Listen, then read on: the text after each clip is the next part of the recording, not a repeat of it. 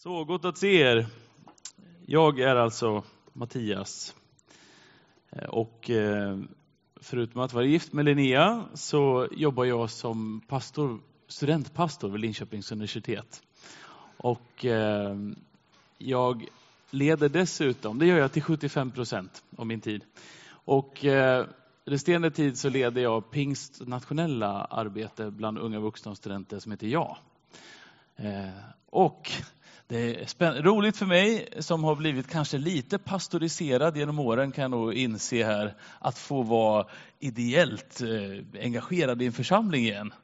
Eh, det är ju kul alltså. Verkligen. Eh, jag får göra saker för att jag vill, inte för att jag har skrivit på något papper att jag ska vilja det. Eh, det här utvecklar sig allt mer till ett själavårdssamtal märker jag. Så jag tror vi släpper, släpper den helt enkelt. Vi är ju inne i en period nu eh, där temat är alla dessa personligheter i Bibeln och alla eh, olika livsöden och kallelser som vi hittar där. Och eh, idag ska vi ta oss an Jeremia. Jesus, tack för att du är här. Vi bekände just dig och ditt namn och vad du har gjort för oss i sången vi lyssnade till. Jag tackar dig Gud för att du är trofast. Och när vi nu ska tänka tillbaka och lära oss någonting om Jeremia och det som hände i tiden då, så är det ännu ett exempel på genom motstånd och genom jobbigheter så är du ändå där. Och du är trofast. Och du har ett ord till oss. Du vill berätta för oss om din vilja. Och jag tackar dig för det. Och jag ber att på samma sätt som du har ett profetiskt budskap till judarike genom Jeremia så ber jag att du ska ge, idag genom Bibeln, genom mötet med varandra, genom det du säger, genom mig också, ge ett profetiskt budskap från dig. Amen. Okej, okay. hörni, jag lägger det så länge.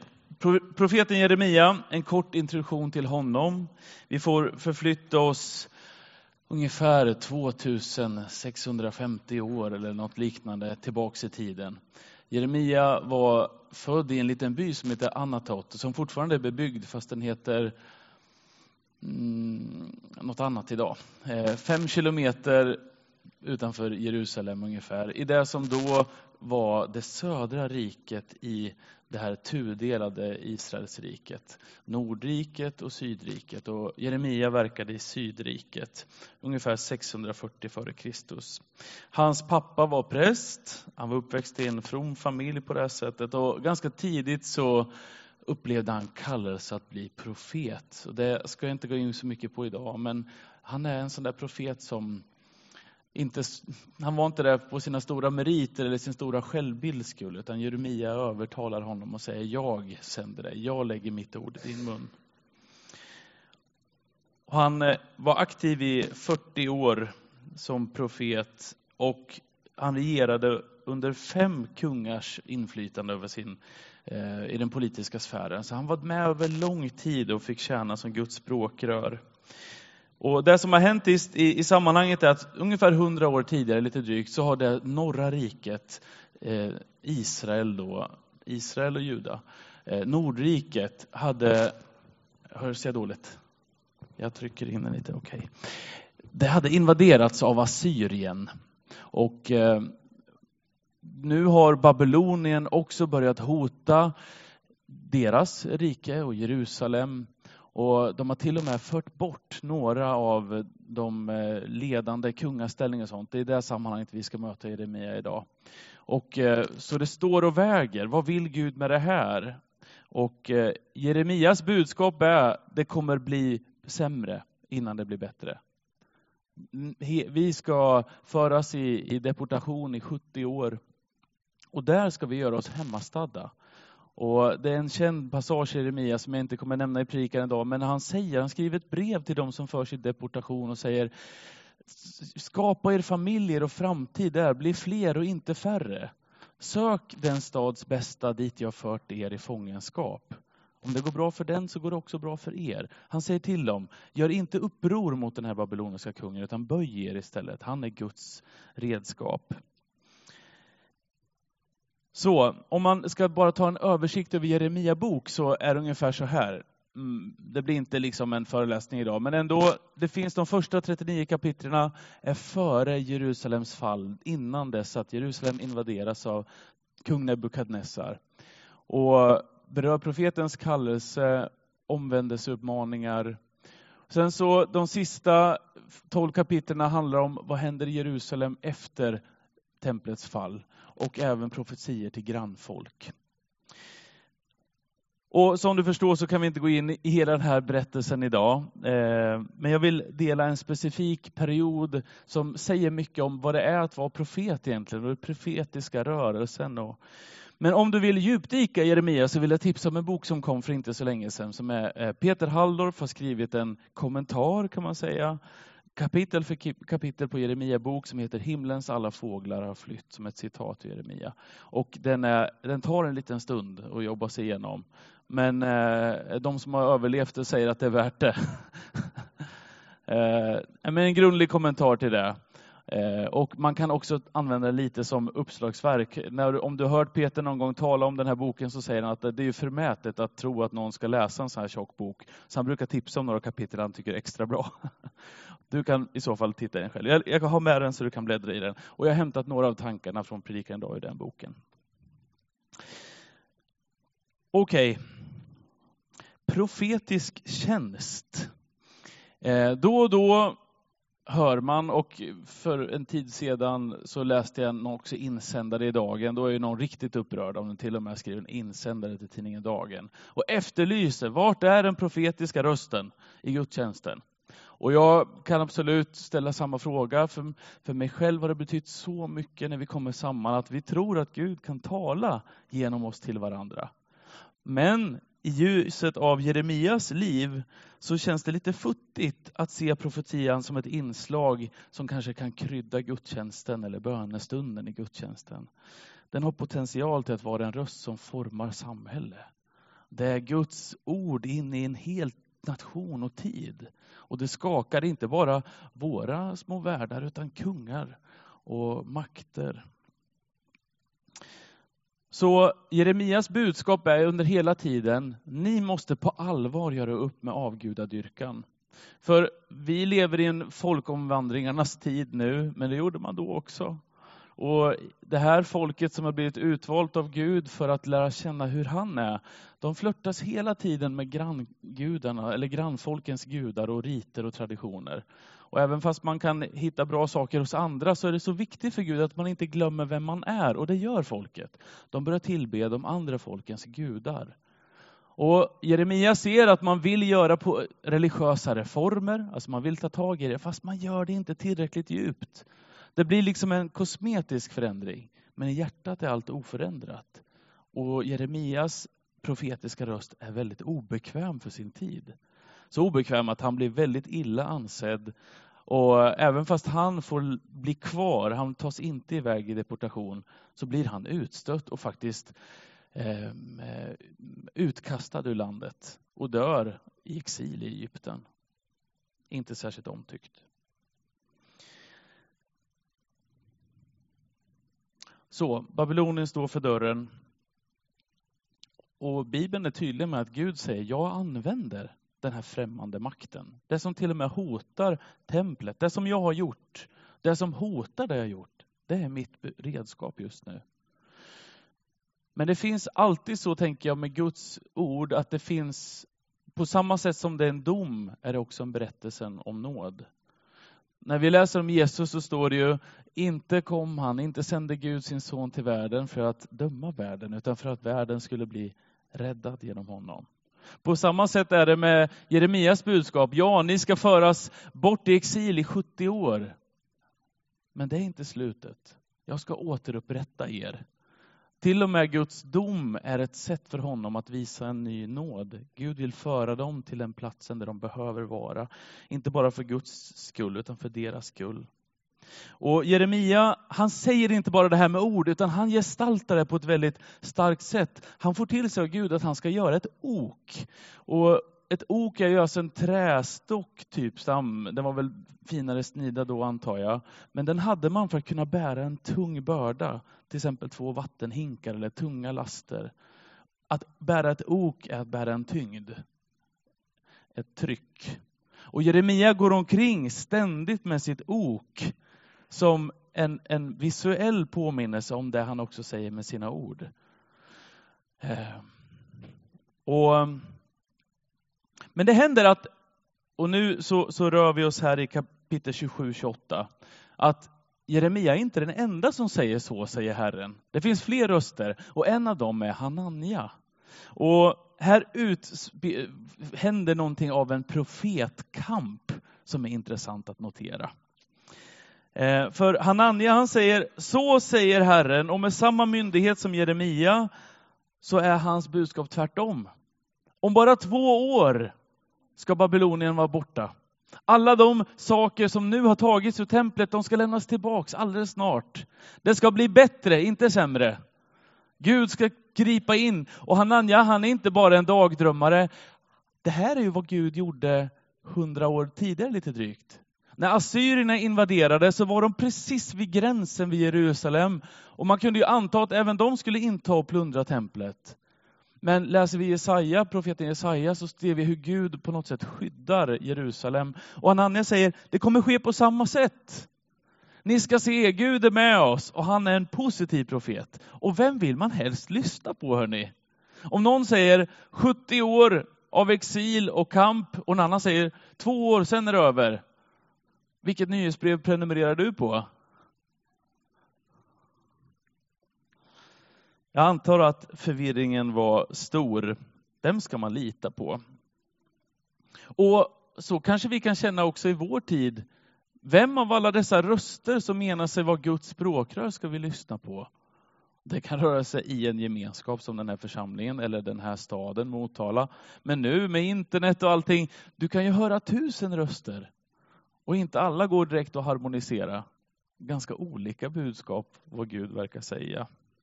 Och du kan göra frågan än mer personlig om du vill. Hur skiljer du mellan profetiska tankar, maningar och känslor hos dig själv? Vad i dig är från Gud och vad dig, i dig är inte från Gud? Hur vet du det? Du kanske är som jag, en ganska kreativ människa. Jag kommer på tusen idéer. Allt det tror jag inte är från Gud. En del saker är bra bara från mig och en del saker är helt ödesdigra. Vad har du för tankar, känslor, impulser? Hur kan du skilja med vad som är från vilken källa i dig? Och I det här fallet finns alltså två olika makter, om du så vill, som säger så, säger Herren.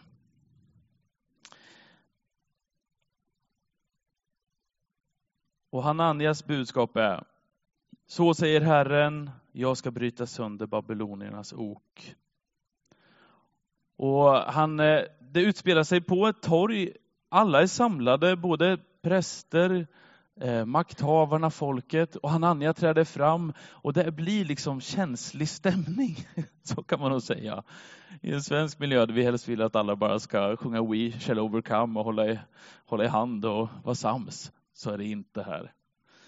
Och eh, efter att Hanania framburit sitt budskap inför alla. Så säger Herren, Jeremia har fel ungefär. Vad gör Jeremia då? Du antar ju att man måste försvara sig på något sätt. Måste stå upp. Han som vet vad som är rätt måste ta upp kampen. Men det är ganska intressant att det första han säger efter att han anklagas för att vara en falsk profet är de här orden. Ja och amen. Hoppas du har rätt. Må Herren låta din profetia gå i uppfyllelse. Så säger han. Hellre två år och sen är allt bra än 70. Gärna för mig. Och Jeremia har ett lugn som han undrar, var kommer det ifrån? Ah, är du så vek, Jeremia, att du inte står upp för dig själv? Men så tillägger Jeremia, den som har ett budskap som du, Hanania, som säger att allt ska bli bra om två år, innan vi kan veta att det är från Gud, då måste vi ju se att det blir så. Så Jeremia han tar det lite kallt och säger ungefär, ja du Hanania, den som lever får se. Ja, en ganska soft reaktion på något sätt. Men Hanania, han är på krigsstigen. Han går fram till Jeremia, tar det där träoket från Jeremias axlar och knäcker över sitt ben. Han säger på samma sätt som jag bryter oket ska Herren bryta babyloniernas ok. Och nu tänker man ju att nu är, nu är det krig på riktigt. Nu tänker Jeremia, nu har han profeterat i det blå skåpet alltså, för nu, nu blir det, nu. Vad står det att Jeremia gör? Han går därifrån. Och man tänker, hur, ja, vad är han för sanningssägare? Men än är inte eh, sista ordet sagt. Jeremia hade ingen vass respons mot Hanania, men Gud hade faktiskt det. Och det står att när Jeremia hade gått därifrån så står det den, den bemärkelsen som det ofta står när, när Jeremia tar emot ett budskap. Herrens ord kom till Jeremia. Och Herrens ord sa, ett ok av trä har du brutit. Han går tillbaka och säger detta till Hanania. Ett ok av trä har du brutit sönder, men istället har du gjort ett ok av järn. Hanania, Herren har inte kallat dig. Och du har fått det här folket att tro på lögner. Därför säger Herren så. Nu kallar jag dig bort från jorden. Detta år, om två år ska du dö. Eller detta år ska du dö. Detta år ska du dö. Och Baruk som är den som skriver ner Jeremias profetior och händelser tillägger sen lite bara i versen efter, ganska torrt. Det året i sjunde månaden dog profeten Hanania. Den som lever får se. Det fick inte Hanania.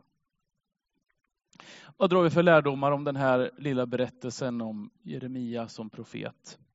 Ja, det första tänker jag är att den som är budbärare behöver inte försvara sig själv. För det är inte sig själv man företräder. Det finns någonting väldigt prestigelöst över Jeremia och som är likt Jesus. Han försvarar sig nästan aldrig. Han vet vad Guds vilja är och Gud behöver inte på det sättet känslomässiga försvaret. Utan vad Gud har sagt kommer ske.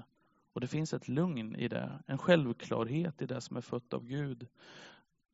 Vi behöver inte vara så ängsliga som de som tillbär avgudarna. Och jag tänker det här på ett personligt plan också. Den som har hört från Gud behöver inte gå i självförsvar eller vara så ängslig. Och Det får oss också fundera över uppgiften hos den som är Guds sändebud. Är att vara framgångsrik eller är att vara trogen?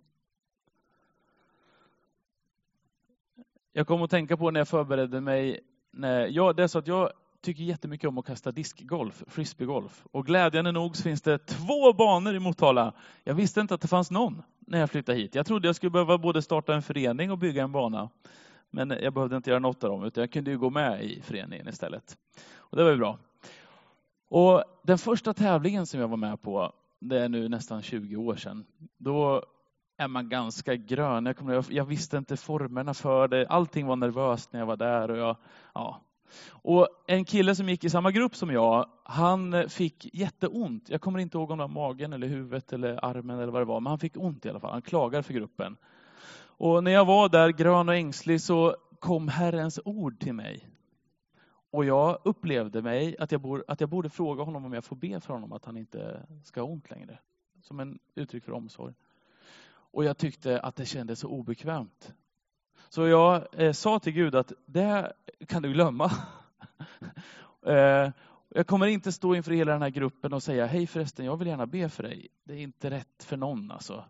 Men om det är så att det kommer någon gång under den här rundan vara så att han och jag står bredvid varandra utan att någon annan är med, då ska jag göra det. Och den chansen är begränsad. Nästa kast kastar vi båda till samma punkt. Så frisbeesarna ligger bredvid varandra och det innebär att han och jag ska gå dit och de andra ska gå någon annanstans. Och jag skälver som ett asplöv. Eh, jag känner, det känns obekvämt att dra upp det och jag är inte ens duktig på discgolf. Varför skulle han vilja förböna någon som är så här sunkig? Eh, men jag säger det, hasplar ur mig. Du, har du fortfarande ont? Han sa, ja, jag har jätteont. Eh, ja, men du, jag, jag tror på Gud och om du vill så kan jag gärna be för dig. Och då säger han det svenskaste man kan säga. Vet du vad det är? Va? Jag bara, du hörde mig liksom. Jag behöver inte säga det igen. Men jag säger det igen. Ja, men det är så att jag är kristen och jag tror Gud kan hjälpa oss jag kan be för dig om du vill. Och då säger han, nej tack, det vill jag inte. Och där slutar den historien. Och jag tänkte runt det efteråt att det här kändes ju som ett riktigt magplask, verkligen. Men jag har med mig det inom livet, för jag tänker att det där var ett viktigt beslut och något beslut jag vill fortsätta fatta. För att det är inte mitt, jag kan inte hela någon. Det var faktiskt inte upp till mig att hela den där personen. Jag vet inte ens om Gud hade gjort det om jag hade fått be för honom. Jag behöver inte ta ansvar för det. Den personen hade ett ansvar. Hade han sagt ja så hade Gud behövt ta ett ansvar. Hade han inte gjort det så hade jag sett fånig ut. Men jag hade åtminstone varit trogen. Jag tänker att vår uppgift som, som hör till Gud är att vara trogna. Och sen får Gud ge framgång eller motgång eller vad som nu behöver hända. Andra lärdomen, första lärdomen är att den som är sänd av Gud behöver inte försvara sig, för det är inte sig själv man representerar. Andra lärdomen, det är att Gud, är det Gud så kommer det visa sig. Och det kommer troligen igen. Jeremia visste att, att det spelar ingen roll egentligen. De kan inte miss, I det här fallet kan man inte missa Guds plan. Den kommer hända. Och Ibland så kan du och jag bli rädda för att vi ska missa Guds vilja.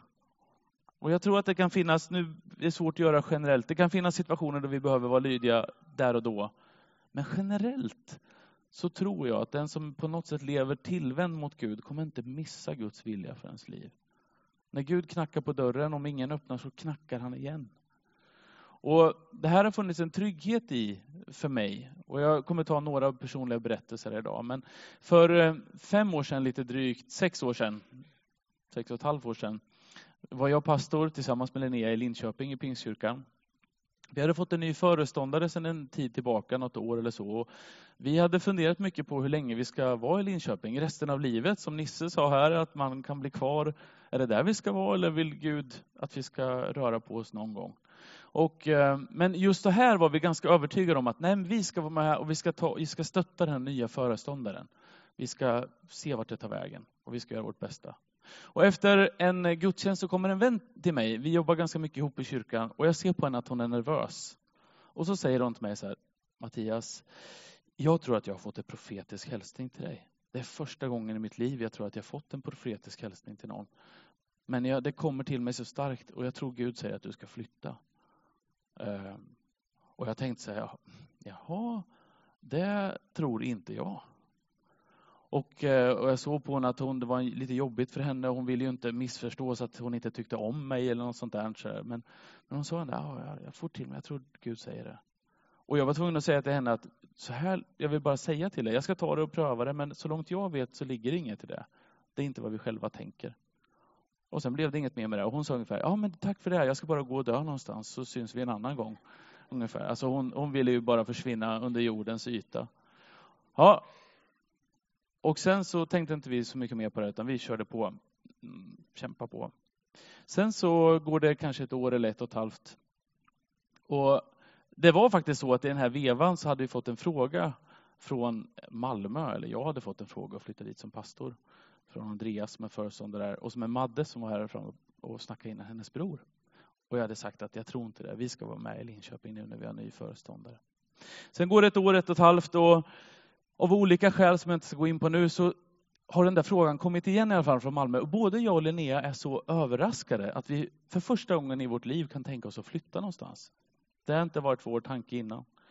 Och vi tar det här ganska allvarligt, så under några månaders tid så är vi känner att vi, vi på något sätt rycker upp ankaret och ser vad som händer. Men vi vill inte göra någonting av rastlöshet eller av någon annan, något annat skäl än att Gud vill det. Och då vill vi vara lydiga i så fall. Så vi sa Gud, du måste vara övertydlig med oss nu. Vi behöver verkligen jätte, veta väldigt mycket att du vill det här och då vill vi. Och sen en dag så ringer det på min telefon. Och det är den här personen som ringer som hade pratat med ett och ett halvt år innan. Och vi har lite med varandra att göra, det är konserter och allt möjligt. Men jag hör på henne att det är något annorlunda och säger Mattias, jag vill inte ta det på telefon, men jag skulle behöva ta en promenad med dig för jag behöver prata. Och det där var lite annorlunda för vi tog aldrig en promenad med varandra. Vi, hade, vi var vänner och vi träffades som familjer och så, men vi, vi gick inte ut och promenerade direkt. Och jag, så jag, och jag tänkte, nu är något på gång. Hon har fått något. Och jag säger ingenting, jag säger, du vad är det du vill säga? Och jag ser på henne att hon är väldigt nervös. Och så berättar hon bara, du vet när jag sa till dig för ett år, ett och ett halvt år sedan att du skulle flytta. Och du sa att det inte låg något i det. Jag, och jag är superledsen att jag kommer dragandes med det här igen. Men jag känner att det är sant. Gud har sagt det igen. Jag tror att ni ska flytta. Och jag ska berätta för dig varför. Och så berättade hon varför hon trodde att det var Gud. Och varför hon trodde att vi skulle börja flytta. Och jag gick där och bara var helt ställd över hur det här kunde hända just då. Vi hade inte pratat med någon. Och efter en 20 minuters promenad så måste jag säga till henne, så här, du det här får du inte säga till någon, men det du säger nu tror jag, det är precis in i den situationen vi är. Och hon liksom bara, är det sant? Oj!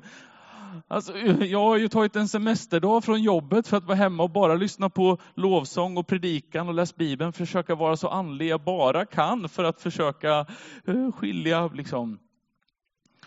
Men det betydde jättemycket för oss att hon var lydig eh, och, det, och att det kom igen. Det kanske var Gud redan första gången, vad vet jag? Vi kanske missade något. Men Gud sa det igen. Och så tror jag faktiskt att det är på ett ganska generellt kamp, eller på generell plan. Och det här för mig till den tredje lärdomen som jag tror vi kan dra också från Jeremia.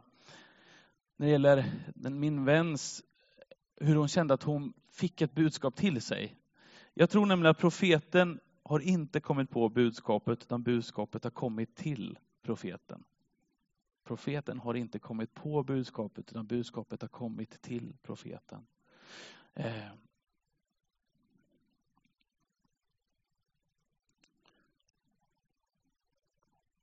Därför är det någonting som händer. Att vi kan förstå att budskapet är egentligen oberoende av profeten. Budskapet är hos Gud. Det är inte i profeten. Profeten är som en gitarr eller en trumma där ett ljud liksom kommer ur, men det är inte det som är dess ursprung. Eller man säger Gud är strängen och vi får vara gitarren om du vill så. Och det budskapet, det är inte vår uppgift egentligen att värdera det eller säga hit eller dit. Vi ska vara lydiga. Och Jeremia uttrycker det så här, Jeremia 20 och verserna 7 till 9. Säger till Gud, klagar till Gud. Du förledde mig. Andra översättningar säger övertalade. Herre, och jag lät mig förledas. Du blev mig för stark, du fick övertaget. Jag har blivit i ständigt åtlöje och alla gör narr av mig. Varje gång jag talar måste jag ropa, måste jag skrika, våld och förtryck. Ja, mig har Herrens ord vållat spott och spe, ständigt. Jag tänker, jag bryr mig inte om honom. Aldrig mer ska jag tala Guds namn. Då blir det i mitt bröst som brann där en eld, instängd i mitt innersta. Jag försöker stå emot, men jag förmår det inte. Kanske är det så att Gud har viskat något sånt i ditt liv. Om någonting. Som du försöker stå emot, men du förmår det inte. Kanske är det för att det är Gud som vill säga någonting till dig. Och Jeremia, det som man kan fråga sig så här, hur, visst, hur ska andra kunna värdera budskap, men hur visste Jeremia? Och en sak är att han säger, han säger, jag har varit vid Guds rådslag. Det är uttrycket. Det är som att han upplever att han suttit vid Guds fötter och tagit emot någonting som inte är från honom. Därför kan han vara både trogen och frimodig. Hörrni, så långt berättelsen om Jeremia. Jag vill också ta några minuter och flytta det lite närmare vår tid. Det här med profetiskt tilltal och budskap. Hur ska vi förhålla oss till det? Hur kan, vi trä, kan man träna på det? Kan man utveckla sig det? Och hur kan man skilja vad som är vad från varandra? Ehm, och det första jag vill säga är att jag tror att man kan träna eller att man kan åtminstone få erfarenhet av att känna igen Guds röst. Och en församlingskontext, speciellt en hemgrupp eller bönegrupp, är en fantastisk plats att få träna. Vi har inget att skämmas inför, för varandra. Så jag skulle verkligen vilja råda dig att bland kristna vänner vara väldigt frimodig när det gäller den profetiska gåvan. För de, de tycker om det tillräckligt mycket för att säga att det är fel om det är det. Och jag måste berätta en, en, en lite rolig historia. Eh, jag var, pingstpastorer var samlade för en utbildningsdag. Och eh, den här dagens tema var profetisk hälsning. och profetiskt liv. Och så han som talade var väldigt mycket, nu ska ni pröva på varandra och sådär. Och jag var kanske inte helt i form den här dagen, det ska jag inte säga. Jag satt lite sådär på, på flanken och, och lite på avstånd sådär. Eh, och så sitter vi och ber och så, så får jag till mig bara ett namn. Och det, det namnet är Bernt. Och då tänker jag så här, intressant, är Gud, då är jag redo för lite mer info om Bernt. Men det kommer inget mer, jag bara får ett namn. Och jag tittar runt, men den enda som sitter i närheten är en kvinna en bit bort. Och jag får en känsla att hon behöver höra det starka budskapet Bernt. Eh, så, och jag tänker så här, nej det ligger inget i det här, så jag struntar i det där. Men det, det bara finns kvar och jag tänker, ja, ja vi har fått uppmuntran nu, vi ska träna och allt det där. Så jag glider över lite sen, vet på bänken, man skärtar över. Och så, du, det här låter ju supermärkligt, men eh, jag får bara ett namn till mig när jag bad. Och kanske att det har med dig att göra. Bernt är budskapet. Och hon tittar på mig och säger så här, tackar vi för det? Ska vi, får vi kanske inte något exakt nu sådär, men, eh, men jag ska ta med mig det. Tack, gör det det. Ta med dig det, anteckna i dina anteckningar så kommer vi förhoppningsvis aldrig träffas igen. Ha det så bra, tänkte jag. Så jag makade över mig och tänkte just där, ah, Gud, du vet, är det något jag vill vara, vara trogen i alla fall, så här kan jag vara ett fån, det gör inget. Så fortsätter vi. Och sen så fortsätter den här rösten komma till mig. Bernt med mustasch. Och jag bara, lägg ner alltså. Jag kommer inte skärta över till henne igen och säga Bernt med mustasch. Det händer inte liksom. Det går inte. Men det blev som i mig en eld. Jag försökte hålla det inne, men det gick icke. För Jeremias ord. Jag såg bara mustascher växa ut på allihopa i rummet. Så jag, jag bara, med ett litet leende verkligen, så kör jag över till henne och säger, hej hej, det är jag igen. Du vet han med Bernt. Jag bara, det skulle kunna vara så att den Bernt som det här avser har mustasch. Hon bara, ja, tack. Då lägger jag till det till prövningen. Och sen så var det inget mer med det. Ah, ni, man känns själv ju liksom hur, hur det här inte var så bra.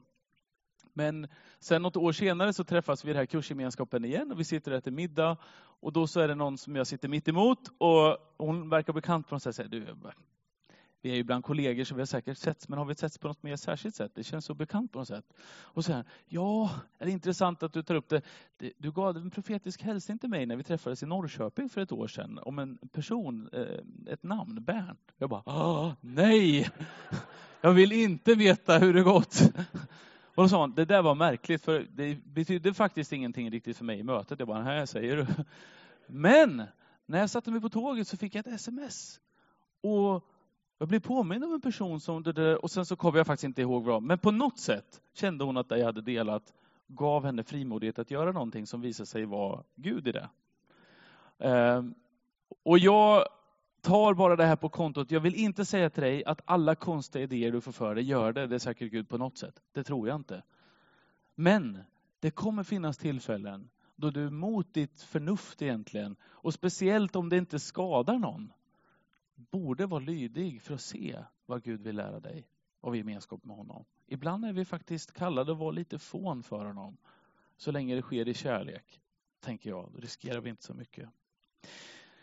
Hörrni, jag vet att tiden går, men jag vill ändå ge dig fyra råd om hur du kan pröva profetiskt tilltal. Både som du får själv och som kanske du, som ska ge till någon annan eller som ges till dig.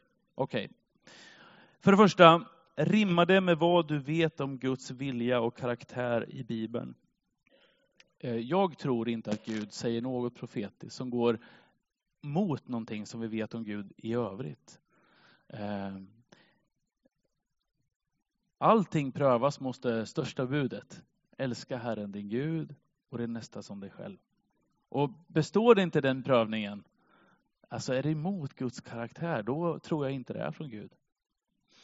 I första Korinthierbrevet 12 som vi ibland läser på bröllop så står det Om jag har profetisk gåva och känner alla hemligheterna och har hela kunskapen. Om jag har all tro så att jag kan flytta berg men saknar kärlek är jag ingenting. Har jag den profetiska gåvan, känner hemligheterna men det inte sker i kärlek, i Guds karaktär, då är det inget. Och det finns en del domsprofeter idag som talar på ett sätt om situationer och människor som jag undrar om det är Guds kärlek över. Det får mig att inte sätta så stor vikt vid den. Den som på avstånd bara förkunnar dom över andra känner jag i alla fall inte igen Jeremia-exemplet i. För hans dom gav han med kärlek. Han, det han kallas den gråtande profeten och säger O, om mitt huvud vore en källa och mitt öga en brunn med tårar. Då skulle jag gråta dag och natt över de fallna i mitt folk. Det är en profetisk skärpa som inte lite på avstånd pekar ut någon annan, utan han själv är en del av den domen. Han vet om det. Och han sörjer med den som har gått vilse från Gud, även om han är ärlig. För det andra, rimmar budskapet med det som mottagaren själv upplever är från Gud. Och det kanske att det skiljer sig mellan gamla och nya testamentet, men jag tror att den helige ande drar i oss var och en. Jag tror att Gud visar sig på många sätt för, för dig. Och jag tror att du har en förmåga att höra från Gud. Jag tror att det är det som är ett uttryck i, i vår tidsålder, att Gud söker människor till och med oavsett oss andra. Och om du tar emot ett budskap som du själv upplever, det här tror jag är helt fel, då tror jag också det. Om det ändå var rätt så tror jag att Gud kommer ändra din känsla inför det. Så här, det kanske låg något i det här. Okej, okay, men då har du fått ta den tiden. Så därför när jag själv frambär profetiskt budskap någon så brukar jag försöka uttrycka mig så. Jag vet inte, du får pröva det om du tror att det stämmer, men jag får det här. Och profetordet till för att bekräfta någonting som Gud säger i övrigt, inte stå helt själv. För det tredje, tjänar den som frambär budskapet någonting på det? Jaha. Alltså är det så att någon själv, är det profeten som kommer i blickfånget eller är det profetian? Alltså Guds språkrör är ett språkrör. Så om, när jag möter situationer eller människor där, där jag tycker att profeten får väldigt stor plats, det verkar handla mer om den som frambör än vad man säger, då är jag skeptisk.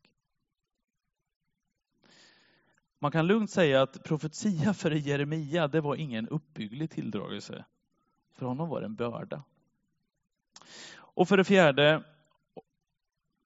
och den som förmedlar och den som tar emot, är de i ett tillstånd av klarsynthet och balans? Jag inser att det var en lång mening. Men är det, för vi kan tänka så här, och det är en intressant tanke runt Jeremia. Andra profeter, profeter är inget nytt, varken i den tiden eller vår tid. Andliga upplevelser är inget nytt, varken i den tiden eller i vår tid. Och väldigt många andra religioner har ju dörrar till erfarenhet av Gud. Och den dörren kan vara droger, det kan vara extas, det kan vara känslomässig utmattning, dansa en hel natt och sen till slut ska du få se att du får någonting andligt. Eller liksom snurra hundra varv runt en pinne med huvudet så här. Då ska du få se att du får en hälsning som heter duga.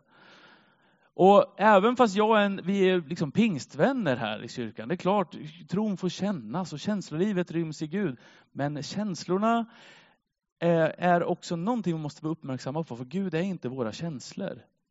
Och jag vaknade bara med ett exemplet av Jesus idag, när jag visste att jag skulle säga det här. Tänk på Jesus tjänst. Det som inleder det är ju inte en, en lång peppande gudstjänst utan 40 dagar i öknen, liksom, fasta. Det är hur Jesus förbereder sig när han kliver ut i tjänst. När Jesus ska gå upp på korset och göra det största, vad är det då han vill ha? Liksom? Någon slags riktigt peppmöte? Irländsk julafton eller något annat? Nej, han vill sitta och be i ett semane. Och det är tydligen så tråkigt att hans lärjungar somnar. Det är liksom inte extasen som är vägen till Guds kunskap, utan snarare att i avskildheten och nykterheten framträder Guds vilja. Sen får det kännas hur mycket det vill hos oss. Men det här är ganska viktigt tycker jag. I första Petrusbrevet 5.8 så, så säger vi så här, eller Petrus säger, var nyktra och vaksamma. Er fiende djävulen går omkring som ett rytande lejon och söker efter någon att sluka. Vad betyder det? Ja, allt möjligt. Men det, vi behöver vara nyktra för att se hur Gud går fram. Och Peter citerar och noterar i boken att när en människa låter sig berusas i själen ligger det nära till hands att dolda motiv och undermedvetna drivkrafter får fritt spelrum. Jag tror det ligger något i det.